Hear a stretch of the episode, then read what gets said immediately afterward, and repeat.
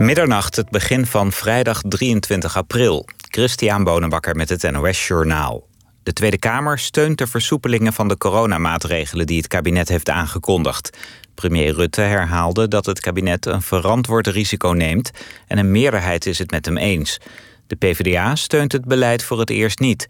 Volgens partijleider Ploemen zijn de besmettingscijfers te hoog voor versoepelingen.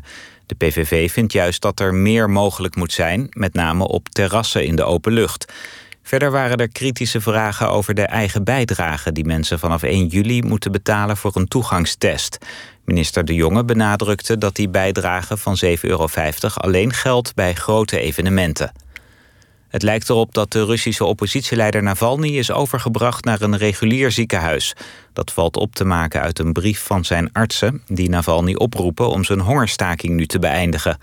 Navalny zit gevangen en heeft ernstige klachten aan zijn rug en zijn benen, maar mocht zijn eigen artsen niet zien. Hij werd behandeld door gevangenisartsen. Zijn overplaatsing naar een gewoon ziekenhuis lijkt het gevolg van de betogingen van deze week. In een verklaring prijst Navalny de duizenden mensen die voor hem de straat op gingen. Langs de A29 ten zuiden van Rotterdam heeft een automobilist de winkel van een tankstation geramd. Dat gebeurde bij Mijnsherenland. De pui van de winkel is zwaar beschadigd, net als de auto. Volgens de politie gaat het om een ongeluk waarbij niemand anders betrokken was. De automobilist zou door de brandweer uit de auto zijn bevrijd. Over zijn of haar toestand is verder niets bekendgemaakt. In de eredivisie is de afgelopen avond één duel gespeeld... namelijk de inhaalwedstrijd Ajax-FC Utrecht. Het werd 1-1. Door het puntenverlies is de kans kleiner geworden... dat Ajax zondag de 35e landstitel behaalt. Waarschijnlijk moeten de Amsterdammers daar nu een week langer op wachten. Het weer, vannacht vrij helder met landinwaarts kans op een paar graden vorst. Ook komen er wat mistbanken voor. Overdag flink wat zon en opnieuw niet warmer dan zo'n 10 tot 13 graden. Dit was het NOS Journaal. NPO Radio 1. VPRO. Meer slapen.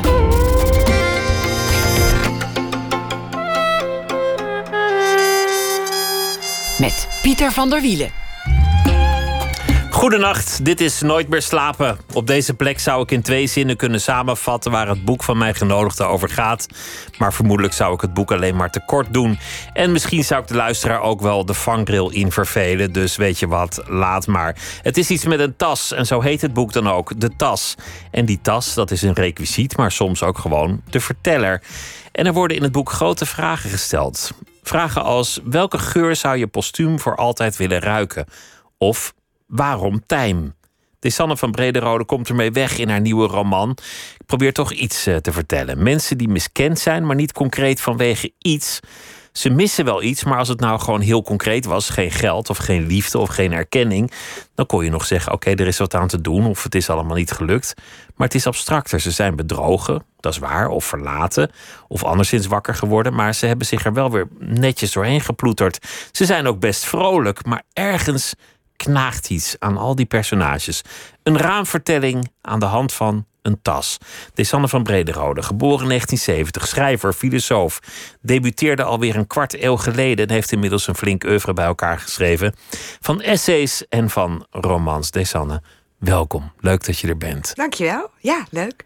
Dat, dat is meteen een van de dingen die ik mooi vond aan het boek. Dat mensen iets meer... Nee, we doen het anders. Waarom time eigenlijk? Waarom want, want in Eh, jouw boek levert zo'n eenvoudige vraag bij iedereen meteen Ja. een, een mooi antwoord op. Nou ja, dat, dat, eh, ehm, dat weten we niet of dat bij iedereen is. Het zijn de, de mensen die aan de slag zijn gegaan met die vraag. Want ik kan niet een- helemaal. Ja, iemand, iemand eh, ehm, stopt een envelop hè, op allerlei plekken in Nederland, legt hij die neer.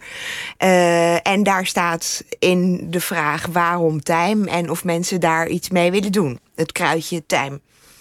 En wat je ja, in het boek ziet, dat zijn zeven mensen die daar ook inderdaad wat mee hebben gedaan. Het kan heel goed zijn dat, dat het merendeel van de mensen die die envelop heeft gevonden, eh, daar helemaal niks mee heeft gedaan. Of misschien eh, een receptje heeft ingestuurd. Of zo. Maar, maar bij de zeven vertellers maakte die vraag iets los. Ja.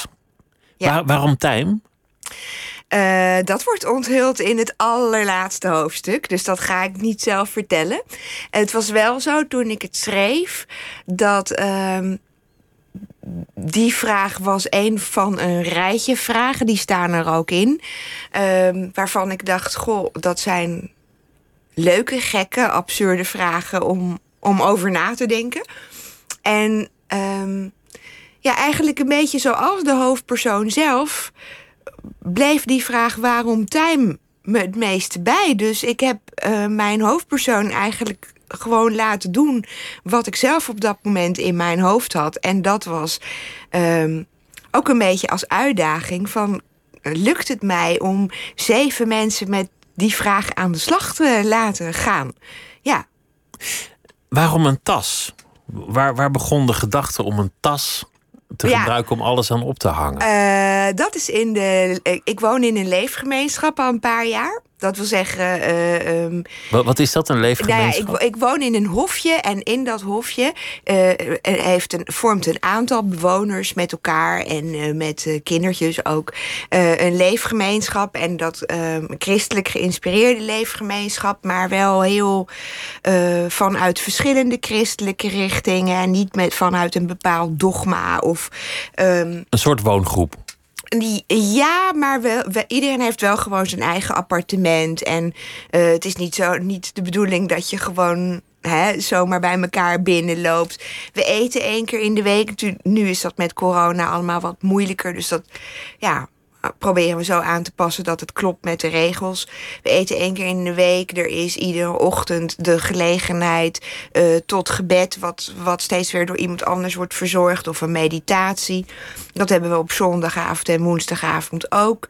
Uh, en dan zijn er daarnaast allemaal andere activiteiten. Uh, samen een film kijken, een verdiepingsweekend. Um, ook gewoon heel veel lachen en, en ja, spontane dingen die ontstaan. En het idee is ook, um, we zijn die leefgemeenschap in een hofje, wat dus bestaat uit meer, veel meer bewoners. Maar dat we er ook willen zijn voor de andere bewoners die daar verder geen deel van willen uitmaken. Maar uh, dat we bijvoorbeeld, ik zeg maar wat, een nieuwjaarsborrel organiseren of een gemeenschappelijke maaltijd. En uh, dat is heel leuk. Nou ja, en. Nou goed, dat dus. En ja, tas. En, ja, de tas. De tas. tas. Uh, dus op een gegeven moment hadden we weer zo'n zo'n woensdagavondmaaltijd. En ik had toen een vrij grote, eigenlijk een beetje te grote schoudertas altijd praktisch. Hè? Dan uh, bij lezingen en zo kunnen de boeken in. En, en zo'n tas wordt natuurlijk op een gegeven moment een soort ja, combinatie tussen een, een, wandelende kast, of tenminste een draagbare kast, en een, en een soort vuilnisbeltje. Uh, want dan zitten er in de winter nog zonnebrillen in. En um, en een van de, van de uh, medebewoonsters, een vriendin, die zei uh, op een gegeven moment... als ik dan weer naar beneden kwam met die kolossale tas... van jeetje, deze wat zit daar toch allemaal in? En ik, ja, de idiotie, ik zag het in haar ogen, maar die zie ik zelf ook. Want mijn moeder was ook zo iemand die he, altijd met die tas liep. En dat je dan als puber ook denkt... ik hoop niet dat ik een vrouw word met een tas. Dat is een van de grootste mysteries voor, voor heel veel mannen. Wat dragen vrouwen toch allemaal bij zich in die tassen. Ja, dat begrijp ik ook. En de man in mij vraagt zich dat ook nog steeds af hoor. Die, die, ja, die levert daar ook wel commentaar op. Maar goed, toen, toen was dat gezegd. En we gaan verder met eten. En, en ineens uh, zei ik: Goh, wat zou het leuk zijn als iemand een tas heeft en die achterlaat op het station. En er grote paniek ontstaat, omdat we dat meteen natuurlijk associëren met een aanslag. En, en er blijkt iets uh, heel verrassends en leuks in die tas te zitten, wat ook bedoeld is uh, voor andere mensen. Uh, nou, en dan zit je zo te eten en te praten. En, en s'avonds uh, kwam ik thuis en, en nog weer later, hè, dan lig ik in bed. En ineens ontvouwde zich dit verhaal. En ja, een beetje alsof je met je ogen dicht naar een film kijkt. Van iemand die iets in gang wil zetten bij andere mensen, ja. omdat hij vermoedt dat daar iets te halen valt of dat er een soort behoefte bestaat. Ja, dat, ja aan, aan, um, aan jezelf op zo'n manier kunnen uiten, ook in het kleine en in het, het eerlijke. Um, dat het niet zo gaat over. Hè, krijg ik likes? Uh, is dit een, een, een baanbrekende mening? Of. Um, maar ik denk wel dat er bij heel veel mensen de behoefte bestaat uh, uh, om ook zonder dat het therapeutisch is, maar, maar ehm, aan de slag te, te mogen gaan met zo'n vraag. En daarin een deel van hun leven, ehm, ja, je zou kunnen zeggen, te biechten. Dit, dit is waar, waar ik eigenlijk wilde beginnen. Bij, bij jouw personage, en dat, dat vond ik het interessant aan dit boek, mist niet echt iets concreets. Er is niet iets duidelijk mis. Mm. Dus er is ook niet iets dat makkelijk opgelost kan worden. Nee. Het, het is niet zo van, goh, ik ben zo alleen. Nou ja, dan moet je op zoek naar iemand die je eenzaamheid kan vervullen. Of ik, ik heb geen geld, ik ben arm, of ik, ik ben miskend, of, of wat dan ook. Maar er is meer een gevoel van gemis. Maar het is zelfs niet dat dat boek nooit is afgekomen... of, of dat ze nooit dat podium hebben durven betreden. Want ze zouden niet eens weten welk podium. Ja. Maar wel het gevoel dat er meer in dat leven zou hebben kunnen zitten... maar niet weten waar dat dan zou hebben gezeten. Ja, En, en dat, dat vertaalt zich ook niet in dat ze dan heel chagrijnig zijn... of nee, totaal depressief of suïcidaal, dat is het niet. nee. Maar ergens in de leegte, ja, wringt iets. Ja. En dat vind ik, een- vind ik een heel mooi gegeven. Heb je het idee dat dat, dat dat veel leeft, dat veel mensen dat hebben? Ja. Ja. En eh, ik bedoel, en ik denk dat dat van overigens van alle tijden is. Ehm, ik denk alleen doordat wij steeds meer gaan leven in een, in een illusie dat alles haalbaar is als je er maar voor vecht. Dat alles te verwerken is als je maar de juiste therapeut vindt. eh, of eerst al de juiste diagnose. Hè? Ehm, en eigenlijk ook zelfs dat het moet. Dat je alles dat dat moet, En verwerken. dat, en, ja, en dat, en dat, die, dat die prachtige, eh, vruchtbare eh, humuslaag van, van melancholie. Want het is ook geen verbittering hè, of frustratie. Maar, maar die, die laag. ehm, van nou ja, dingen die uit je handen zijn gegleden, die, die jij eh, met de beste intenties hebt gedaan, maar het leven vormt jou ook en doet daar toch iets anders mee dat dat nu lastiger is om dat alleen al te durven voelen. En te doorleven en te doorvoelen. Omdat er voortdurend toch die, die eh, druk om je heen hangt van... je kan er vanaf komen. Je hoeft niet hè, te, te lijden. Of het is meteen een depressie. Of... Terwijl dat is het niet. En het, en het is denk ik juist datgene wat mensen van alle leeftijden, culturen eh, eh, met elkaar verbindt. Je noemde ook een soort biecht. Ja. Een plek waar je iets kan delen zonder dat het gaat om de likes of de reacties. Of dat, dat het een soort debat moet ontketenen. Dus, dus juist het niet-publieke. Ja, Dit is ook een, een, een niet-publiek beleden gevoel. Mhm. Ergens onder de oppervlakte had er misschien meer ingezeten in dit bestaan. ja, Als je dat post op, op, op Instagram of Facebook, dan moet je er meteen iets mee doen. ja. An- Anders dan, dan trekken mensen dat denk ik niet. Nee, dat denk ik ook. Of, of eh, jij hoeft er nog niet per se iets mee te doen, maar de anderen gaan je dingen aanreiken. Om het maar van- snel op te lossen en weer comfortabel ja, te ja, maken. Of ik heb zelf heel veel baat erbij om op die of die meditatiecursus te gaan. En dat je denkt, nee, dat bedoel ik niet. Ja, ja het is heel lastig omdat, ehm, omdat het ook. Ja, nou, wat je zelf ook al zei, van, van het zijn eh, eh, mensen met eh, hier en daar juist ook heel vitaal gevoel voor humor en, en interesses waar ze warm van worden. Ja, dus, dus ik vond het leuk om dat eh, ook voor mezelf iedere keer weer als ik dus zo'n timehoofdstuk schreef. wist ik van tevoren ook nog helemaal vaak niet welke kant het op zou gaan. Om zeg maar als schrijvende eh, mensen te leren kennen. En natuurlijk soms halverwege het schrijven herinner je ineens dat iemand je ooit in een trein een soortgelijk verhaal of een deel daarvan heeft verteld. Maar om ehm, ja, dat, dat, dat deel van, van wat ons mens maakt en, en wat inderdaad niet past eh, in social media of aan talkshowtafels. Ja, dat is toch waar ik juist eh, zo intens van hou. Het is de plek waar, waar mensen liever niet komen of waar je bij een ander ook niet komt. Bij het niet uitgesprokene. Nou, ik vind wel dat ik. eh, ik heb wel soms het idee dat, dat erg veel mensen me over dit soort dingen juist in vertrouwen nemen hoor.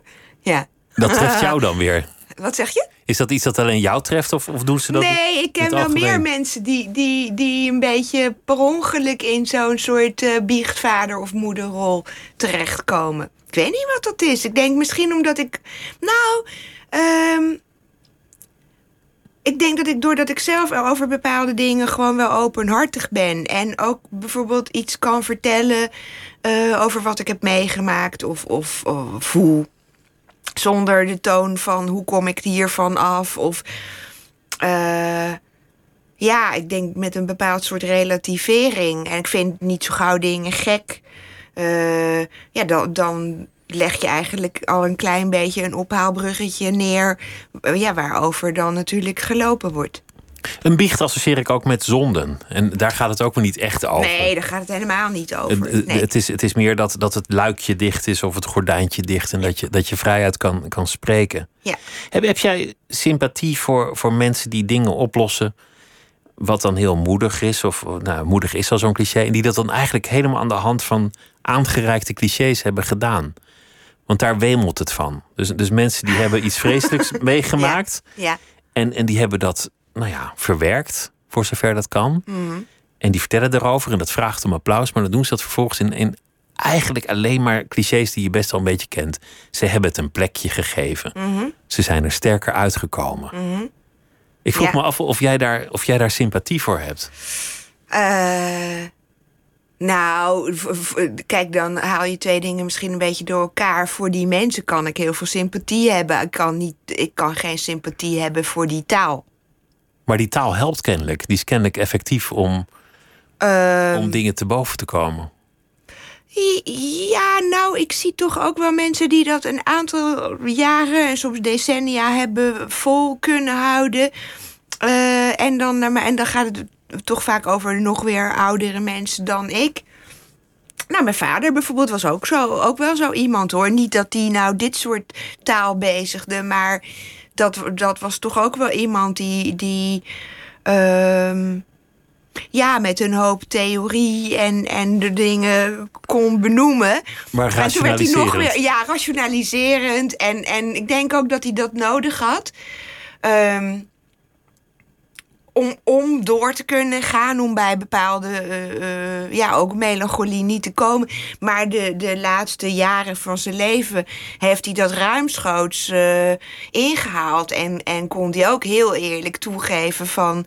ehm, Goh, misschien had ik al die theorieën en die mooie verhalen ook wel nodig om be- bepaalde onzekerheid of eh, ja, eenzaamigheid in zijn eigen leven eh, niet te hoeven toelaten. Om het gevoel. Ja, te- dus ik, dus ik hou altijd, met, me- zeker met mijn vader voor ogen, denk ik. eh, ehm, dit kan ook, eh, zeg maar, weer een voorbijgaand stadium zijn.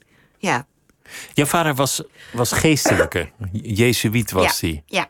Wat, wat, wat hield dat eigenlijk in? Ehm, nou ja, dat was hij natuurlijk niet meer toen, toen ik hem leerde kennen, zeg maar. Toen ik zijn kind werd. Nee, want anders was nee. jij officieel niet geboren. Eh, nou ja, dat had wel gekund. Erasmus was ook eh, kind van een priester. Hè? En er zijn er meer, volgens mij veel meer. Ehm, nee, dat klopt. Ehm, ja, een jezuïet is denk ik toch wel anders eh, dan, dan veel andere eh, priesters uit priesterordes. Want jezuïeten zijn in de regel eh, heel hoog opgeleid. Die hebben allemaal theologie en filosofie ook echt gestudeerd. En daarnaast ook vaak nog een andere studie gedaan. En ehm, zijn, zijn, zoals ik zelf, ik ken er ook een aantal, vaak ook echt heel erudiet geïnteresseerd in, in de wereld. Nou, de paus is een, is een jezuïet, eh, eh, de huidige paus. Ehm, en, maar er is ook altijd een aura een beetje omheen geweest. En dat, dat ehm, nou, mijn moeder liet geen kans onbenut om dat in te wrijven ook. Eh, van, van ehm, ja, bijna alsof zij het beter weten dan God zelf. En, en eh, nou, zo ging het natuurlijk ook wel eens in mijn jeugd. En dan, eh, hè, dan zit je bij elkaar te praten over... gaan we dit jaar naar de Efteling of naar de Beekse Bergen. En dat kon uitlopen in een gesprek waarbij mijn vader dan ging uitleggen... dat uh, echt debatteren volgens de methode van Thomas van Aquino... Aan de hand van een uitje naar de Efteling. Nou, bijvoorbeeld, ja, dat was ontzettend geestig. Maar... Um, maar tegelijk was hij ook heel onderzoekend en ook in een new age. En las toevallig laatst weer een stukje ergens over de Baha'i. Daar heeft hij ook nog een tijdje bij gezeten. Dus, dus hij had die neiging zeker en die werd misschien ook sterker waar mijn moeder er meer tegenin ging. Wim, je bent wel een jezuïet. En, en um, zijn tweede vrouw deed dat veel minder en kon er ook wel om lachen. En dat maakte dat hij er eigenlijk zelf ook steeds meer om kon lachen. Ja, en uh, um, ja, die opvoeding heeft ook prachtige dingen gehad. Want wat ik dus allemaal heeft, veel heeft later. geïnspireerd, want jij bent, bent uiteindelijk ook van het woord en de redenering. Ja, ik lijk echt ook wel veel op hem. En wat ik bijvoorbeeld leuk vond, dat hoorde ik overigens pas nadat hij was overleden. Maar toen hoorde ik van, van een, een ja, een kennis weer van een kennis. En later ook nog wel eens. Um, hij schijnt bijvoorbeeld uh, uh, zelf uh, een hele goede biechtvader te zijn geweest. Dus toen dacht ik, oké. Ja. ja, mijn moeder kon dat overigens ook hoor. Daar gingen mensen ook spontaan tegen kletsen. Maar ja, ook heel... Dat merkte ik zelf ook in mijn puberteit. Als ik over dingen... met dingen worstelde of... Ja, hij was zo zo weinig veroordeel, Dan ging je naar hem toe als je, als je met dingen worstelde. Ja, ja, zeker. Ja. Dus ook, en dat ging ook over seks en zo. Dat was echt heel. Uh, ja, dat is natuurlijk zeker voor een meisje super. Als je, als je met je vader echt de meest openhartige gesprekken kan hebben. Heel fijn. Die biecht is wel een, een mooi thema. Maar je, je, noemde ook de talkshow. Aan talkshowtafels wordt ook gebiecht. Ja, maar dat is een maar dan met, met heel veel publiek. Ja. En toch lijkt het erop. Um, ja, en ik denk dat het, dat vind ik wel mooi dat je dat zo noemt. Aan talkshowtafels is het um, ook een biecht die meteen normerend is. Dat, dat uh, voordat de talkshowtafel bestond, heeft Michel Foucault het natuurlijk ook al zo beschreven. Van we krijgen meer en meer een cultuur. En dat zag hij al, een Franse filosoof die. Uh, even denken hoor, in de jaren, uh, jaren 80 is overleden. Hè? Uh, uh, een van de men eerste mensen met aids. Uh, bekende mensen. Maar, maar dat hij zei van... Hè, vroeger had je uh, onderdrukkende macht, bijvoorbeeld de kerk... en die schreef tot in de intiemste dingen voor wat wel en niet mag. En de pastoor die langskwam, we moeten er niet nog weer een kindje bij komen. En tegenwoordig lijkt dat, uh, lijkt dat soort gezag weg... maar zijn wij elkaar voortdurend aan het normeren en normaliseren. Foucault had het over een, een glazen huis waar ja. we in zouden komen ja. te wonen. En dat, dat, dat glazen huis, dat zijn dan de social media bijvoorbeeld. Inmiddels zijn, zijn bedoel, in zijn tijd was dat hele internet nog niet. Maar nu denk je, ja, wat hij daar al beschrijft en wat hij dan zo, zag gewoon in de reguliere media gebeuren. Uh, dat, dat is natuurlijk uh, verduizendvoudigd uh, door sociale media. Ja. Erger je je daaraan, aan die. Want Nou, die ik- uitgesprokenheid van een talkshowtafel lijkt haaks te staan op, op wat jij zoekt in dit boek. Absoluut. Het niet Ja. Ja. het, het, het niet stellige. Het niet klopt. zoeken van het, het grote verdriet of juist de, de grote euforie. Het, het zijn juist de, de minder makkelijk te benoemen emoties waar, waar jij naar op zoek bent, die jij mooi neerzet. Dat, dat staat zo haaks op wat je, wat je eigenlijk vaak in dat soort gesprekken ziet. Ja, ik vind, dat, ik vind het ongelooflijk. eh, ehm, het kan me ergeren. Maar, maar dat is misschien niet het goede woord. Ik maak me heel erg zorgen daarover. Ehm, dat dat eh, mensen steeds meer daar natuurlijk ook op worden gecast. Dat ze, dat ze niet te lange stiltes laten vallen. Dat ze niet, genu niet heel erg zichzelf steeds aan het nuanceren zijn. Eh, dat als een ander wat zegt, dat je meteen in de verdediging schiet. Ehm, en ik vind het zo jammer. En, en nu zie je natuurlijk ook steeds meer dat, dat uh, dan, dan moet het jong zijn. Want die jonge kijker die moet er ook bij betrokken worden. En je krijgt dat, dat talkshows bijna weer social media gaan imiteren. Dus dan zit er ineens uh, een of andere influencer uh, die, die het schopt tot presentator. En dus dat valt die mensen niet eens kwalijk te nemen, maar wel de, de, de regisseurs, programmamakers eromheen, die, die ehm, ja, zo iemand ook vaak helemaal niet in bescherming nemen tegen zichzelf. En het idee geven, jij bent God weet wie. En ik vind dat vooral heel erg. En die mensen denken vaak zelf ook dat ze God weet wie Jawel, zijn. Jawel, maar als je, dat, als je ze dat niet als daar niet in begeleid worden, dan is het ook wel heel moeilijk om dat niet te gaan geloven, natuurlijk. En maar ook, moet ik zeggen, het is ook een, een symptoom van jong zijn. Jawel. Als je jong bent, dan, dan, dan denk je misschien stelliger, uitgesprokener. Uiteraard. Relativeer je minder, dan, dan heb je ook minder voorbehoud in elke zin en achter elke komma. Nee, dat ben ik helemaal Zo, zo was jij misschien ook al. Ja, nou ja, ik bedoel, als ik denk aan, aan 25 jaar, 26 jaar geleden dat ik debuteerde, was ik ook zo, natuurlijk. Uh, maar dan was het bijvoorbeeld wel zo dat de, de tweede roman die ik schreef na uh, mijn debuutroman die is door Querido afgewezen. Gewoon in zijn geheel ook niet gaan maar herschrijven, want we zien er wel wat in. Ehm, nou, dat vond ik niet leuk. En ik zag heus ook wel dat er auteurs waren die, als dat gebeurde, ze, woedend opstapten. Zeiden, nou, neem ik naar een andere uitgeverij. Hè, want... En, en dat heb ik ik, natuurlijk was ik even boos en verdrietig. Maar dat zijn wel de momenten dat ik denk. Um, daarin drukte Querido ook wel heel erg uit van. van we hebben vertrouwen in je schrijverschap. Um, en en dat kan betekenen dat we een tweede boek, hoe hard je er ook aan hebt gewerkt, en uh, uh, dat we dat niet doen.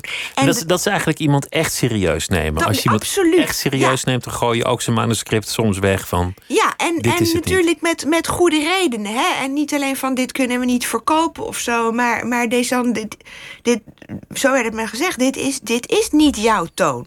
En je zit, ik zat ook gewoon heel erg Joost Zwagerman te kopiëren. Ik had het idee, het is maar goed dat ik dat niet in alles ben blijven doen. Maar, um, dus ik begrijp die stelligheid, daar heb ik helemaal niet zo moeite mee. Maar wat ik jammer vind, is dat Um, nou ja, bijvoorbeeld in die leefgemeenschap woon ik met een, met een aantal dertigers. Het zijn vooral dertigers. Uh, die, die als het gaat om zich verdiepen in de wereld, um, bezig zijn beroepsmatig met, met bepaalde onderwerpen, uh, met duurzaamheid, met armoede, met uh, uh, hoe ga je om met vluchtelingen. Um, en, en, en dat zijn ook zeker mensen die, wat mij betreft, ja, volop de ruimte zouden, zouden moeten kunnen krijgen, maar, maar goed uit hun woorden kunnen komen. Um, en ik vind het soms heel jammer dat, dat die mensen die, die zich daar ook echt in verdiepen en proberen beter in te worden. En um, het gesprek daarover met anderen aangaan, die, die ook lerend in de wereld staan, dat die eigenlijk soms zo weinig um, nu al de ruimte krijgen, omdat iedereen nu wordt geleerd. Je moet jezelf in de markt zetten. Je moet zorgen dat je een eigen website hebt. Hè, uh, als jij niet voortdurend op Twitter en, en daar actief bent, uh, ja, voor jou tien anderen. En, dat, dat vind ik heel kwalijk. De omloopsnelheid waarmee dat gaat. Het is, het is als die Olympische sport dat je, dat je met je skiën van een schans af gaat en dan de baan af en dan al bewegend schiet op een object. Je schiet uit beweging. Je hebt een mening. Ja over een kwestie die morgen totaal vergeten en begraven is. Maar je staat niet stil. Ja. En hoe langer je stilstaat, hoe irrelevanter je mening lijkt te zijn. Terwijl ja. dat andersom zou moeten zijn. Ja. En wat je in je boek eigenlijk zegt, is dat dat leven ingewikkeld is. Dat, dat is waar die vertellingen over gaan. Mm. Dat leven niet een, een, makkelijk statement hier is of, of een beslissing of dat je er helemaal uit bent. Juist in, in dat wat je niet weet of waar je niet uit bent of waar je van mening verandert daar gebeurt het, daar wordt het interessant. Ja, absoluut. Ja. We, veel van die verhalen gaan toch uiteindelijk, als het boek vordert, over mensen die verlaten zijn, over relaties die zijn gestrand. Ja. En daarmee ook een beetje over jezelf en jouw verhaal. Nou nee, want voordat ik was, uh, dat ik, voordat ik was gescheiden was dat Schreef ook je al daar ook meteen. al ja, dat is het rare. Opeens denkt iedereen dan dat... Dat het daarover gaat. Jij schreef al over verraad voor, voor je verraden was. Ja, nou ja, dat en, ver, en verlaten zijn. Ik bedoel, dat, dat lijken mij thema's die, eh, die altijd gewoon eh, interessanter zijn. eh, en dan niet per se de dramatiek ervan. Maar wel van, wa- wat doet dat, wat doet dat met je? Eh, en niet per se met mij. Maar ik vind het altijd interessant, wat doet dat met mensen? Om, om verraden te worden. Nou, niet per se verraden, eh, eh, maar, maar, maar eh, ehm, ja, liefdes die weer uiteen gaan. Dat is toch. ehm, Vind, je het woord verraden te, te zwaar? Is dat niet een woord dat je zelf zou zwaar. gebruiken? Ja, dat vind ik echt te zwaar. Want, want Ik voel me niet. we hebben het hier... ik bedoel, ik heb me op dat moment, dat, dat, dat is natuurlijk ook alweer acht jaar geleden, dat ik dat, ik dat te horen kreeg, dat, eh, nou ja, dat ik ben bedrogen en door mijn, door mijn toenmalige man. Ehm, ja, als ik, nee, als dat verraad is, dan, dan nee, dat, dat vind ik absoluut geen verraad. Iemand bedriegen, eh, vreemd gaan is geen verraad. Iemand verlaten is geen verraad. Maar hij had ook een, een kind bij iemand anders dat hij jou had verzwegen. Ja. We hebben het hier alles over gehad. hoor. We gaan er niet heel lang Nee, bij stilstaan. Maar dat, dat zou in de volksmond volgens velen toch echt wel verraad gaan heten. Het verzwijgen van een kind verwekt tijdens de, de relatie. Ja. Ja, nee, natuurlijk. En nogmaals, ik heb dat, dat ook zeker destijds zo beleefd, eh, genoemd. eh, ehm, hè, zeker binnenshuis en natuurlijk eh, met, met vriendinnen aan de telefoon of zo. Ehm, inmiddels denk ik toch, ja, alweer zo anders over die dingen. Om, nou, ik geloof een paar maanden geleden ineens dat je, hè, sta je tanden te poetsen en dat ik ineens dacht. En dat is me heus daar, daarvoor ook al wel eens door het hoofd gegaan. Dat ik dacht, goh, stel dat we wel bij elkaar waren gebleven... misschien was ik wel de vreemdganger geworden. Er moest iets gebeuren, het moest ergens vandaan komen. Nee, niet per se, maar, maar ik bedoel... Doordat, doordat deze versie van het verhaal nu zeg maar realiteit is... zou je bijna vergeten dat het ook anders had kunnen zijn. Ik ben ook in mijn huwelijk wel eens echt eh, lang en, en wanhopig verliefd geweest. Daar heb ik weliswaar eh, niet wat mee gedaan en die, en die meneer in kwestie ook niet. Maar ik bedoel, dat was niet alleen maar een paar leuke vlinders. Nou ja, je weet niet hoe dat verder was gegaan. J- jullie vriendschap is daarna wel doorgegaan. Ja. Eigenlijk alleen maar beter geworden. En nog steeds. Ja. De, je, had het, je had het over het, het, het oordelen, Mhm. de, de meningen. Eh, De man in kwestie, Arjen Peters, voormalig recensent van de Volkskrant. Ja, die is, die is eh, in een soort schandaal verwikkeld geraakt. En ik kan wel gerust zeggen, die is gecanceld, zoals het tegenwoordig heet. Ja. Dat, dat heb jij van nabij meegemaakt dan. Het, het verhaal was, het is een beetje eh, ingewikkeld om het helemaal uit te leggen, maar iemand schreef in een column geanonimiseerd van ik ken een recensent die flirt met vrouwelijke schrijvers voordat hij de recensie schrijft.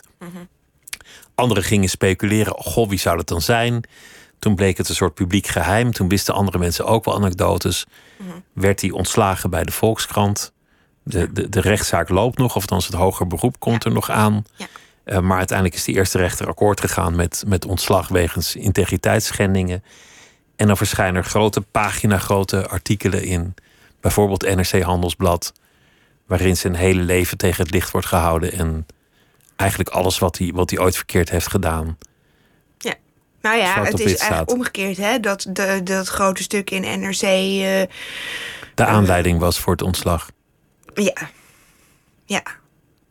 Dus dat was ook misschien een beetje paniekvoetbal. Maar daar, ja, daar kan ik dus weinig over zeggen. Ja, het, was, het is heel. ehm, toen, toen, toen het net gebeurde. eh, dus Arjan belde mij en zei: Goh, ehm, ik ben, nog- eh, moest bij de hoofdredactie komen. En eh, dit en dat is er aan de hand. Toen heb ik natuurlijk gezegd: van nou, kom vanavond even langs. Ehm, en en toen heb ik ook eerlijk gezegd. En, en ehm, ja, dat lijkt me ook normaal. Van, van goh, uiteraard leef ik enorm met je mee. En, en hoe de periode ook verder gaat, uh, je, je, kunt op me rekenen. Maar, maar ja, gelet op het feit dat ik natuurlijk zelf ook uh, ja, weet dat je heel goed niet de waarheid kunt spreken. Hè? Dat, er een, dat er wel eens een leugen uit je mond is gekomen. Zo is dat. Uh, weet ik natuurlijk niet helemaal zeker of jij mij nu hier de waarheid vertelt. Dat heb ik er wel bij gezegd. Hè? Ik bedoel, ik heb altijd moeite gehad met. met uh, echtgenotes en, en uh, moeders en zo. Die zeggen: nee, maar mijn uh, man of mijn kind, hè, die doet dat niet, want ik ken hem echt. Dat vind, dat vind ik trouwens echt ook heel eng hoor, enge mensen. Want, want jij zegt eigenlijk tegenovergesteld: het zou zomaar kunnen, want ik ken hem wel. Hij is tot dingen in staat. Nou ja, dat wil ik niet zeggen. Maar ik vond het wel tegenover Arjan ook gewoon het meest eerlijke om te zeggen: ik wil naast je staan. Maar dat betekent, ik hoop dat je begrijpt dat ik ook niet precies weet wat hier wel of niet van waar is en hoe dat vork in de steel zit. Nou ja, lang verhaal kort, want ik kan dat inderdaad niet in details treden.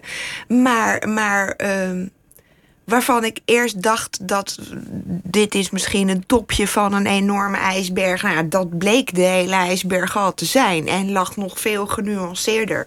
Want, want er werd eerst gedaan alsof het een soort MeToo ja, was, alsof het een Harvey Weinstein toen, was. Ja, nou ja, en, en, in feite is er volgens al die getuigenissen niet, niet letterlijk iets gebeurd. Er is niemand die, die de kleren heeft uitgetrokken voor een extra balletje in de Volkskrant zo was het allemaal niet. Absoluut niet. Maar het, dan het is zo'n niet, woord had het niet moeten gevallen. doen. Nee, en, en wat ik dus het allerergste vind... en, en he, verder zal ik dan dus niet... Uh, uh, ja, ik kan dus niet helemaal mijn mening geven... Maar, he, omdat het allemaal nog... dat hoge beroep nog loopt.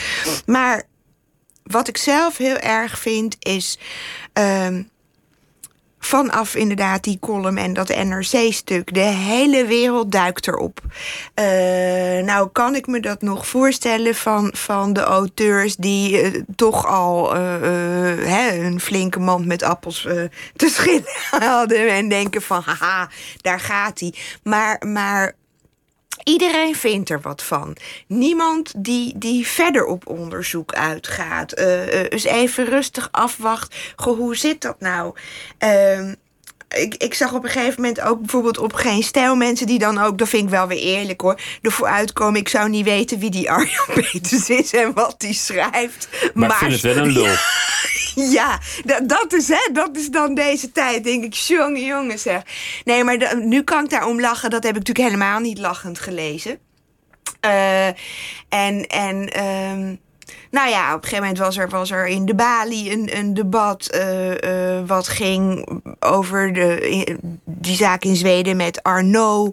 Uh, die man het Nobelcomité? Die, precies. En, en um, en dat werd gecombineerd, daar had, stond in de aankondiging. En ook wij hebben nu. En onder de titel There Are More Weinsteins. Nou ja, dat is ook de manier waarop dat gesprek moduleerde. Van, van uh, uh, Arno en Weinstein naar, naar dit. En alsof het, het allemaal wel... in dezelfde lijn lag. Maar goed, wat ik daar dan het erge aan vind. Uh, dan is dat allemaal, uh, hè, is die vulkaan uitgedoofd. Dat, dat uh, daarna één grote stilte. Eén grote stilte. Nou ben ik dat met de Syriërs uiteraard gewend. Stilte? ja, nou ja, in de zin de, de, de, dat pamfletje wat ik toen heb geschreven... of essay heet Als stilte steekt. Dus ik ben wel ervaren met, met Als stilte steekt. Um, maar dit is, dit is onbegrijpelijk. Dus, dus als je dan gecanceld bent en die springkanenplaag van de media is voorbij... en je, je kiels, zeg maar, alles wat je hebt gedaan is gelicht en tegen het uh, licht gehouden... Ja. dan ben je een lopende dode. Absoluut, zo, ja. Een zombie. Nou, zo zie ik het wel. Of tenminste, uh, ja, god, zo ziet hij er gelukkig niet uit hoor. En ik vind het ontzettend knap, zijn, zijn, zijn liefde voor literatuur, voor het opdiepen nog steeds van hele mooie. Uh, vergeten antiquarische dingen. Uh, uh, bijhouden ook van, van nieuwe bundels. En op Facebook is hij, godzijdank, uh, nog steeds daarin ook actief. Die passie, die dooft nooit.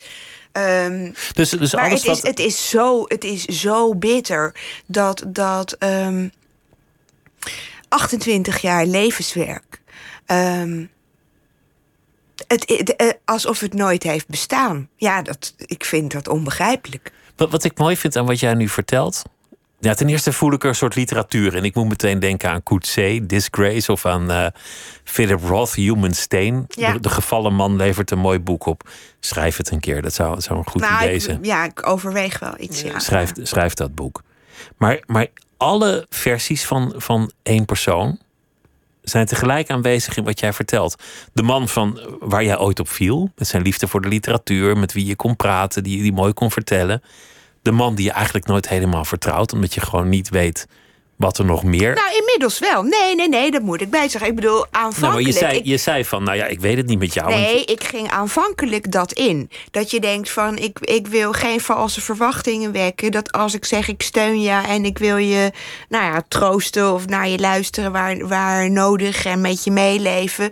Dan vind ik het gewoon netjes. Als ik toen die eerste avond en die eerste weken ook zei: Goh, het haalt bij mij natuurlijk op een andere manier ook weer dingen boven. En ik, ik weet dat niet, maar inmiddels is dat natuurlijk. Is dat Geloof je hem? Ja, zeker. Maar het- is mooi dat al die dingen tegelijk bestaan. Dus, dus de man die iemand bedriegt, is ook nog steeds de man die al die mooie eh, vaardigheden, capaciteiten, interesse en, en eigenschappen had waar, waar je zo zielsveel van, van bent gaan houden. Ja, tuurlijk. Maar ieder mens heeft, dat vind ik ook het wonderlijke. Nou, ik moest daar laatst aan denken van, ik, ik ben een groot liefhebber van het eh, programma eh, De Achterkant van het Gelijk. eh, Met, met Pechtold. met Pechtold. Ook, nou niet echt een zombie, maar toch ook een man met krassen op zijn reputatie. Precies. En, maar ik vind dat, dat de.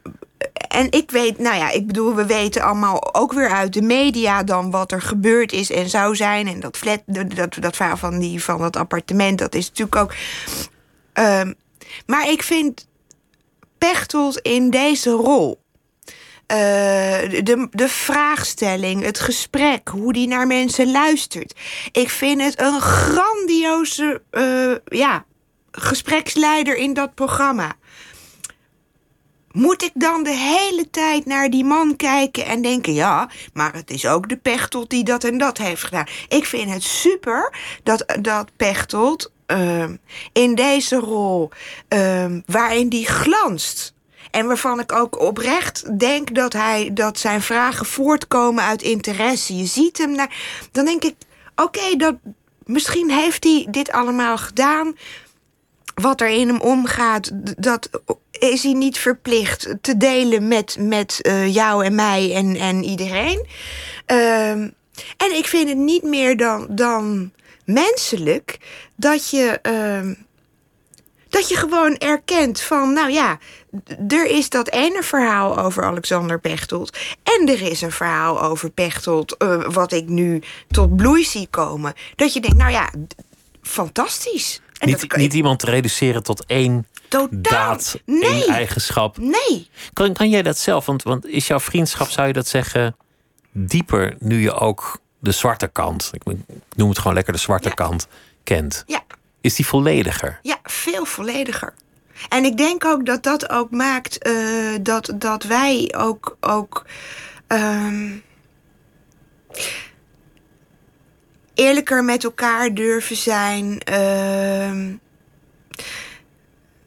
minder misschien de neiging hebben om, om, om via eh, alleen maar via kunst en, en humor en zo te praten. Hè? Of, ja, ik denk dat we wel dat, dat we wel meer nabij zijn gekomen. En misschien, en dat ook wel, niet per se door, door, door dit alleen hoor. En, en door, door wat er in ons huwelijk is gebeurd. Maar achteraf denk ik, ja, misschien zijn wij ook gewoon mensen die, die ehm, bloeien bij een scheiding.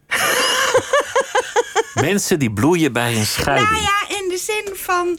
ehm, dat, dat was ook waardoor het huwelijk eh, ontzettend goed werkte. Ehm, maar wij zijn allebei mensen die, die veel alleen moeten zijn en ook bij elkaar. eh, eh, nou ja, wat Rielke ook zegt, hè, dat, je, dat je in een eh, ideale liefde of te, ver- verzorg je elkaars eenzaamheid. Ik citeer het een beetje verkeerd, maar, maar dat, konden wij, dat konden wij allebei heel goed. We konden ook gewoon op. we hebben heel lang heel klein gewoond. Eh, met met eh, nou ja, anderhalve meter tussen ons in hooguit. Eh, heel stil allebei aan het werk zijn. Ik aan het schrijven, hij aan het lezen of omgekeerd. En, ehm, maar, maar het huwelijk, het gezinsleven eh, maakt toch dat je, dat je ja, heel veel dingen samen doet. En ik merk op een bepaalde manier, nogmaals, ik kan voor hem niet spreken, maar dat wij en hij heeft daarna ook nog wel een relatie gehad en ik ook wel. Ehm, maar wij zijn denk ik allebei gewoon op ons best met, met heel veel momenten van, van beslotenheid en, en ehm, niks hoeven zeggen. En ja, gewoon alleen zijn met je eigen gedachten. En dan niet ehm, hè, dat, dat, je, dat iemand aan je vraagt: Schat, waar denk je aan? Ja, Voor, voor iemand, voor iemand die, die vraag behoefte moet heeft. sowieso verboden worden. Waar, waar denk je aan? Ja, nou ja, ik heb hem heel vaak gesteld in mijn leven. En dan dacht ik later: Gadverdamme, wat een controlezucht. Ja, Mag iemand dan geen gedachten voor zichzelf ja hebben? Dat. precies. Maar voor iemand die veel alleen wil zijn, is het dan wel wonderlijk dat, dat je in een leefgemeenschap terecht bent gekomen. ja, dat vind ik eigenlijk ook. Want dan zou ik Ja. zeggen, ga lekker op jezelf wonen met een eigen voordeur. En, en, Nee, eh, maar ik, nee, ho, ho, maar ik heb Ja, je een hebt een eigen, eigen voordeur, maar- Ja, en het is, ik, wat ik heel prettig aan vind, is... ehm, de leefgemeenschap klink- klinkt bijna inderdaad alsof je alles samen doet. Zo is het absoluut niet. Ik vind het juist wel... het is niet eng, hele- het is niet kriebelig, het is niet klef. Nee, helemaal niet. En wat ik er juist fijn aan vind is. eh, want ik heb na de scheiding ook, ook in een ander huis gewoond, inderdaad, eh, zonder leefgemeenschap. Ehm, dat is dat. Dan is het of, of, hè, of je bent alleen of je spreekt echt met vrienden af. En dan moet het een hele avond leuk zijn. Of, hè, en ehm, het fijne van dit soort contact is dat je... ehm, je kan ook even vijf minuten met elkaar een gesprekje hebben. Of, of ehm, zeggen van, eh, nou leuk om met z'n allen een film te kijken... maar vanavond heb ik daar geen zin in. Dus die... Het is... Ja...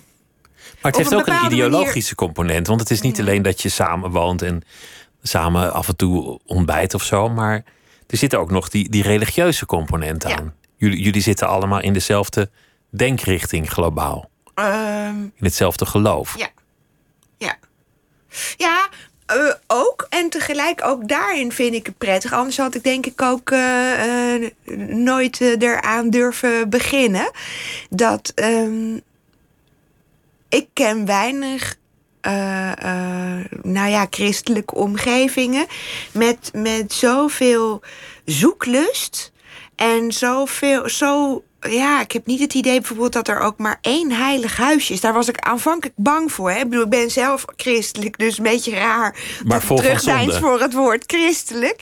Maar dat ik wel dacht, oh, misschien mogen over bepaalde dingen geen grappen worden gemaakt. Of ehm, ja, ben ik in bepaalde opvattingen te los naar hun smaak. En, nou ja, dat. dat ehm, Nee, dat, dat, is, dat is niet aan de orde. En wat ik er dus erg prettig aan vind, dat is dat er ook niet, ehm, laten we zeggen, in allerlei regels en, en ehm, ja, wordt gezegd, wij, wij gaan uit van deze theologie of van deze invulling van het christen zijn. Het is juist eigenlijk heel mooi dat, dat iedereen daarin ook zijn eigen weg gaat. En, ehm, en juist dat het niet één smaak is. Het is echt van onderop met elkaar eh, zoeken. En, en daarbij hoef je het ook lang niet altijd met elkaar eens te zijn. Maar je zei over je vader en, en over de Jezuïeten Ja. als een grap. Dat ze, dat ze zo intelligent waren en zo belezen dat ze het eigenlijk beter wisten dan God zelf. Maar daar, daar zit ook, ook iets grappigs in, omdat dat weten, dat rationele, in zekere zin ook haak staat op wat geloven zou Ja, kunnen zijn. absoluut. Dat is natuurlijk een, een gevoelsding. Daar kom je niet helemaal uit Nee. met, met een wiskundige formule of met de ratio. Nee. Lukt dat jou om je daar volledig aan over te geven? Omdat je, dat je toch ook iemand bent van, van het woord en het jawel, intellect? Jawel, nee, natuurlijk. Maar ik heb uh, denk ik de afgelopen uh, jaren... nou, echt al, al lang geleden... zo vaak uh, na mijn debuut en zo... Hè, in van die debatjes gezeten... waarin ik het dan moest verdedigen... en en dat ik dan dacht, ja, letterlijk, Jezus. Moet ik het weer uitleggen? en op een gegeven moment heb ik dat ook laten zitten. Ik ik wil daar niet meer. Uh, je krijgt er ook zo'n vieze mond van. van het is net als hey, je praat over iets dierbaars. Dan krijg je het weer een beetje als met, met dat, met dat uh, talkshow-achtige biechten. Het is kostbaar, het is kwetsbaar. Um, het niet, is, niet echt te benoemen. Is, is nee. dat wat je zegt? En dan, en dan zit je daar uh, uh, half ontroerd uh, iets te vertellen over weet ik veel wat Goede Vrijdag met je doet. En dan later denk je dat hoort helemaal, hoort helemaal niet op een podium. Um, het is intiem in die zin. Ja, het is intiem. Het is intiem. Dat, ja, dat is een heel mooi woord. En um, nee, ik heb ik vind, kijk, ik vind wel belangrijk dat het, dat het niet alleen maar een gevoel blijft. Dat je wel degelijk kunt uh, reflecteren daarop. En wat doe ik als ik dat dan geloof? Wat doe ik dat daarmee? Wat is de consequentie van een bepaalde gedachte? Um, en, en dat doorleven en steeds ook toetsen van... goh, daar kijk ik nu anders tegenaan dan pakweg vijf jaar geleden. Dat is heel waardevol. En dat is ook heel leuk uh, om dat met andere mensen samen te doen. Dus om, zo hou je elkaar ook in ontwikkeling. Het zijn dus gewoon goede gesprekken over dingen die jou bezighouden in, in jouw bestaan, die voor jou intiem ja. zijn. Ben, ben, je eigenlijk altijd gelovig geweest? Ja. Van, van kinds af en dat, dat is nooit, nooit weg geweest? Nou, dat is wel eens weg geweest, ja. Ik bedoel, en, en nog steeds. En teruggekomen en weer weggegaan. Ja, en, nou ja, ik bedoel. Um, dat wordt ook bijvoorbeeld heel mooi beschreven door uh, Teresa van Avila en Johannes van het Kruis. Dus zo oud is dat al. Dat je met je hoofd nog wel denkt: uh, ja, ik ben gelovig. maar uh, ja, met, met alles wat je voelt en zo daar gewoon niet bij kan. Dat het de ene do een grote dorre boel is. Dat mechanisch is geworden. Nou, dat nog niet eens. Maar, maar dat, je, dat het leeg. Het is leeg. En, en, um, en ja, ik, kijk, ik kan me nog altijd uh, uh, moeiteloos inleven in atheïsten. En dat kost me echt geen moeite hoor. En ook niet om uh, naar bepaalde dingen die, die voor mij heel, heel dierbaar zijn te kijken met, met dat oog, met een spottend oog. Of te denken, goh, hoe zou het zijn hè, om, om op een ochtend wakker te, te worden en te denken. Uh, ik heb de beste jaren van mijn, van mijn leven in een sprookje geloofd. Ik hou daar wel, ik bedoel, ik hou daar rekening mee. Ik vind dat ook een leuk gedachtenspel. Um, maar dat zou dus, toch ook dus heerlijk zijn? Dan, ja, dat, dat, is toch, dat is dan toch een voortschrijdend inzicht? Ja, dat zou kunnen. Uh, dat, dus, dat je wakker wordt en denkt, nou, wat ik tot nu toe heb geleefd... Ja, dat was had ik net zo goed niet kunnen doen. Ja, ja, tuurlijk. En maar goed, dat, is er niet. Dus het is, het, die, die periodes van doorheid zijn er. Uh, en dan op wonderbaarlijke uh, momenten dan, dan is het er levend en wel. En dan heeft dat geloof meestal ook wel weer een transformatie ondergaan. Dan is het anders geworden. Ja. Klinkt bijna als een relatie, alsof je een soort ja, relatietherapie nou, bent ja, geweest. Ja, dat is het ook. Dat is het ook. En, Alleen en dan zonder de therapie. Vindt. Ja. Dus, de, dus in, in het geloof mag het het leven. Nou, je hoort eigenlijk in de liefde ook. Uh, mag het leven en de liefde mogen met jou aan de slag. En daar heb je echt geen therapeut bij nodig. Alsjeblieft niet. Heb jij dat, dat soort momenten dat je denkt: Goh, dit is mijn leven geworden, maar heb ik daar eigenlijk wel goed aan gedaan? Dat, dat je nog wel eens nadenkt over, over het andere pad dat je in had kunnen slaan, waardoor je iets anders was geworden. De baan die je had kunnen krijgen, of, of het soort boeken dat je had kunnen schrijven. Nee, nee, nee, nee, dat heb ik eigenlijk helemaal nooit. Nee, ik vind het wel leuk om, om na te denken van hoe zou alles nou zijn geweest als ik een man was. Dat, eh, daar kan ik ook wel echt. ehm, ja, ik vind het soms jammer dat ik dan weer wakker word als, als een vrouw. Ik denk, hè, lijkt me hartstikke leuk om nou eens te weten hoe dat was geweest. Om wakker te worden als man. Ja, Met een ochtenderectie en, en wat erbij ja, hoort. precies. En dat je denkt, god, ik moet, Moet me toch gauw eens scheren. Ja, lijkt me, daarom vind ik mannelijke personages zo lekker om te doen. En wat zou, wat zou er dan anders zijn verder? Nou, ik denk dat ik. ehm, eh, ja, wat minder zou, zou denken. Wat zou die hier nou weer van vinden? En ben ik niet die nu aan het kwetsen? ja, dat. Gewoon echt een man. Ja, Laat mij ja. het maar even uitleggen hoe het zit. Ja, dat lijkt me dus heerlijk. Ja. Ik, vind, ik heb ook helemaal niet zo moeite met mansplaining. Ik begrijp ze zo goed. Ik zou dat ook doen. Dan heb je zo'n meisje tegenover je dat je denkt... ja, jeetje, mag ik het je even goed uitleggen? Ja. Dat, dat kan je als vrouw toch ook doen? Ja, nee, natuurlijk Of- wel. of Nee, maar het gaat me niet daarom. Nee, maar ik, het, het gaat mij er meer om van... het is niet zozeer dat ik ehm, kijk naar mijn leven met spijt. Maar ik vind het leuk om me voor te stellen... nou, niet per se een man, het kan ook... maar, maar gewoon van, goh, hoe zouden de dingen zijn gegaan... als ik zelf iemand anders was geweest? Dat lijkt me wel, vind ik wel leuk. Daarom denk dat daarom wil je fictie schrijven. Zodat je andere levens erbij kan leven. Ja, ja. Vanuit, vanuit een ander persoon. Ja. En, en neem je daar iets van mee in je eigen bestaan als je die creaties hebt, hebt doorleefd? Eh, soms. Ja, er zit één brief in, één tuinbrief van een meneer die is, eh, die is voor echt de meest idiote dingen heeft hij een fobie. En, en toen, hij de, toen hij begon te spreken, zeg maar, toen ik eh, dacht ik, wat is dit een. ja, ik, ik begreep zelf niet helemaal waarom die. Hij was ook echt. Ja, nogmaals, ze zijn allemaal niet op iemand concreet gebaseerd. Maar, Maar hem dit personage, als, als er een, een, een vis bij de visboer ligt, een forel met de kop er nog aan, dan, dan, dan zal hij die dag verder niet tot rust komen. Nee, Van de schrik. ja. En hij durft geen durft vlees niet- aan te raken. Nee, ook. Nou ja, dat, durf, nee, dat is juist het Uiteindelijk rare. wel. Hij durft dan weer wel een kipfiletje in de pan te leggen. Maar die, maar die vissen en naakte garnalen, daar is hij heel erg bang voor. Ik kan me overigens bij die angst dan wel weer wat voorstellen. Maar ik vond hem gewoon wel heel... En, en dat is uitgerekend het personage dat ik dacht... ik ga toch met jou door. Want volgens mij heb jij iets te vertellen. Ik, dat voelde ik zo.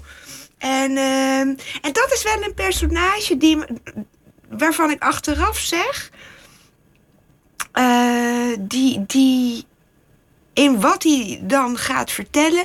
heeft hij me nog weer meer de ogen geopend voor... ehm, nou, misschien mensen die ik te snel zelf in een hokje zet... van, van eh, eh, wat een rare, trieste figuren. Ja. Maar zeg je daarmee dat je ook personages hebt weggegooid? Dat, dat, dat er ook mensen kwamen die je halverwege niet meer boeiden? Of dat je dacht, nou, jij haalt het boek niet. Nou, nee, bij dit boek niet hoor. Maar er zijn natuurlijk eh, ja, genoeg opzetten voor korte verhalen of romans of zo. Dat je denkt. Het verhaal is leuk, eh, of tenminste, het kan leuk worden. Het zou heel raar zijn als je dat zelf al hartstikke leuk vindt. Ehm, en dat, dat, de toon van het personage en, en ja. Laten we zeggen dat, dat, dat, dat je dan iemand ja, ik wou niet zeggen blijft voor je zien. Maar het is net alsof je die, die jas van iemands lichaam, van iemands bewegingen, van, van iemands omgeving, van iemands toon, alsof je die niet, alsof je daar niet in past. En dan lukt het ook niet om dat te beschrijven.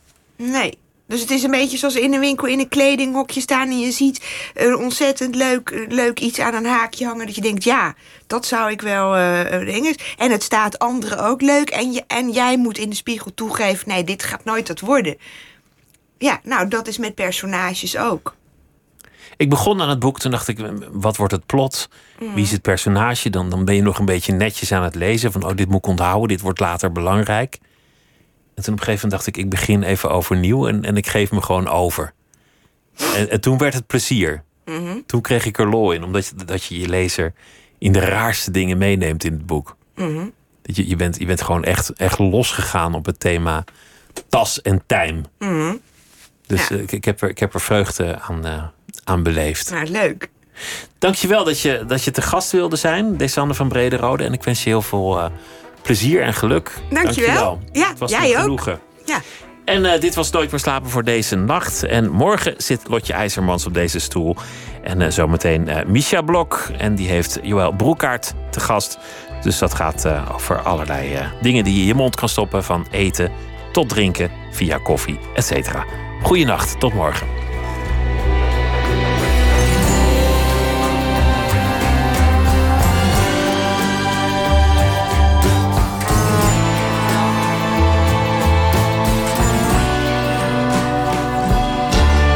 Radio 1.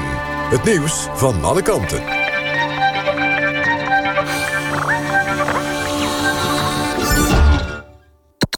NPO Radio 1.